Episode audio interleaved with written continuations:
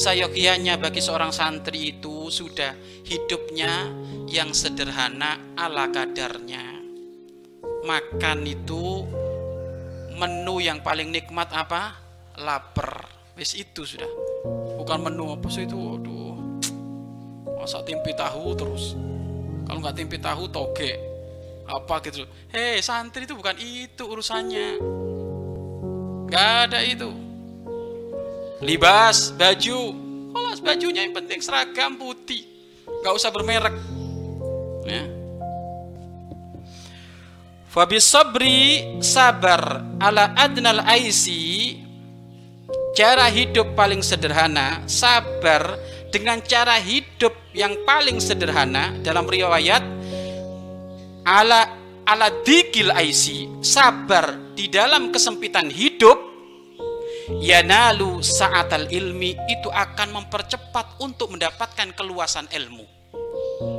Anak yang tidak pernah meributkan makanan, anak yang tidak pernah meributkan busana muslim, anak yang tidak pernah gaya-gayaan, anak yang mengutamakan kesederhanaan, yanalu saat sa'atal ilmi, dia akan memperoleh keluasan ilmu. Makanya banyak orang sukses itu di saat terhimpit rizki.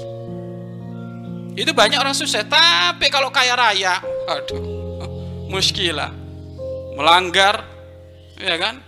Melanggar pondok, ya gampang pindah pondok ke sana. Nah ini. Tapi kalau orang nggak punya duit, ya Allah saya diusir nanti gimana nanti? Saya masuknya. Jadi banyak orang-orang sukses itu di saat dikilaish, ya, di saat kehidupannya itu ternyata sisi berlebih-lebihannya diambil oleh Allah alias ala kadarnya hmm? makanya nggak layak nggak pantas tiba-tiba santri itu hidupnya hanya gaya-gayaan dengan merek kerudung merek sarung merek jubah merek gamis nggak ada. Kalau mau pakai merek gamis satu saja. Merek gamis cap tegal gubuk itu aja sudah. Ya ini promo tegal gubuk ini ya. Nggak usah macem-macem ya. kalau inti dikasih hadiah orang tiba-tiba bisa beli beli apa?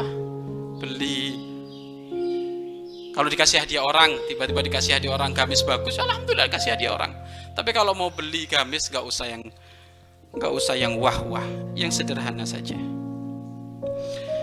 Jadi orang yang sabar dengan kehidupan ala kadarnya mem mempercepat bagi dia untuk mendapatkan keluasan ilmu. Wajam asyam wajam asyam lil qalbi dan menjadikan sebab dia mudah konsentrasi eh? sebab mudah konsentrasi konsentrasi dari apa min mutafarriqatil amal dari macam-macam segala hal yang ia pikirkan. Orang kalau nggak punya duit mikir apa nak? Tapi kalau punya duit, masya Allah, anak dari orang kaya raya sama anaknya orang miskin itu nampak sekali di dalam urusan amalnya. Bukan amal ya, bukan amal, amalnya, renungan pikirannya ini. Coba kalau anak yang banyak duitnya, oh liburan pondok main ke mana? kan gitu. Tapi gak punya duit liburan ke mana sih? Kan gitu. Mesti neng pondok baik kan gitu. Tapi kalau punya duit oh ke sini ke situ ke sini ke situ. Hilang hafal-hafalannya sampai diceritakan dulu ada anak-anak diaman itu. Ada anak-anak diaman ada beberapa memang yang mampu. Itu kok sudah liburan? Memang ya haknya dia. Sudah liburan tuh sudah renang ke sana main sini. Yang nggak punya duit guys. Sudah saya murojaah saja di pondok. Nah, dapat lebih. Ya kan? Jadi banyak duit itu mulai banyak gaya itu. Ya kan? Nanti janjian di sini ya mall sini ya mall itu ya. Nah, ini. Tapi nggak punya duit mau janjian apa? Janjiannya apa di batas-batas lembaran-lembaran kitab yang warnanya kuning mempesona. Itu. Janjiannya di situ. Jadi liburan saya sekarang janjian saya saya murojaah sampai batas halaman sekian nomor sekian bab sekian. Nah itulah orang nggak punya duit. Nggak nggak fikrohnya nggak macam-macam yang punya duit ini megaya. Udah janjian kaosnya jangan lupa dipakai semuanya. Ya kan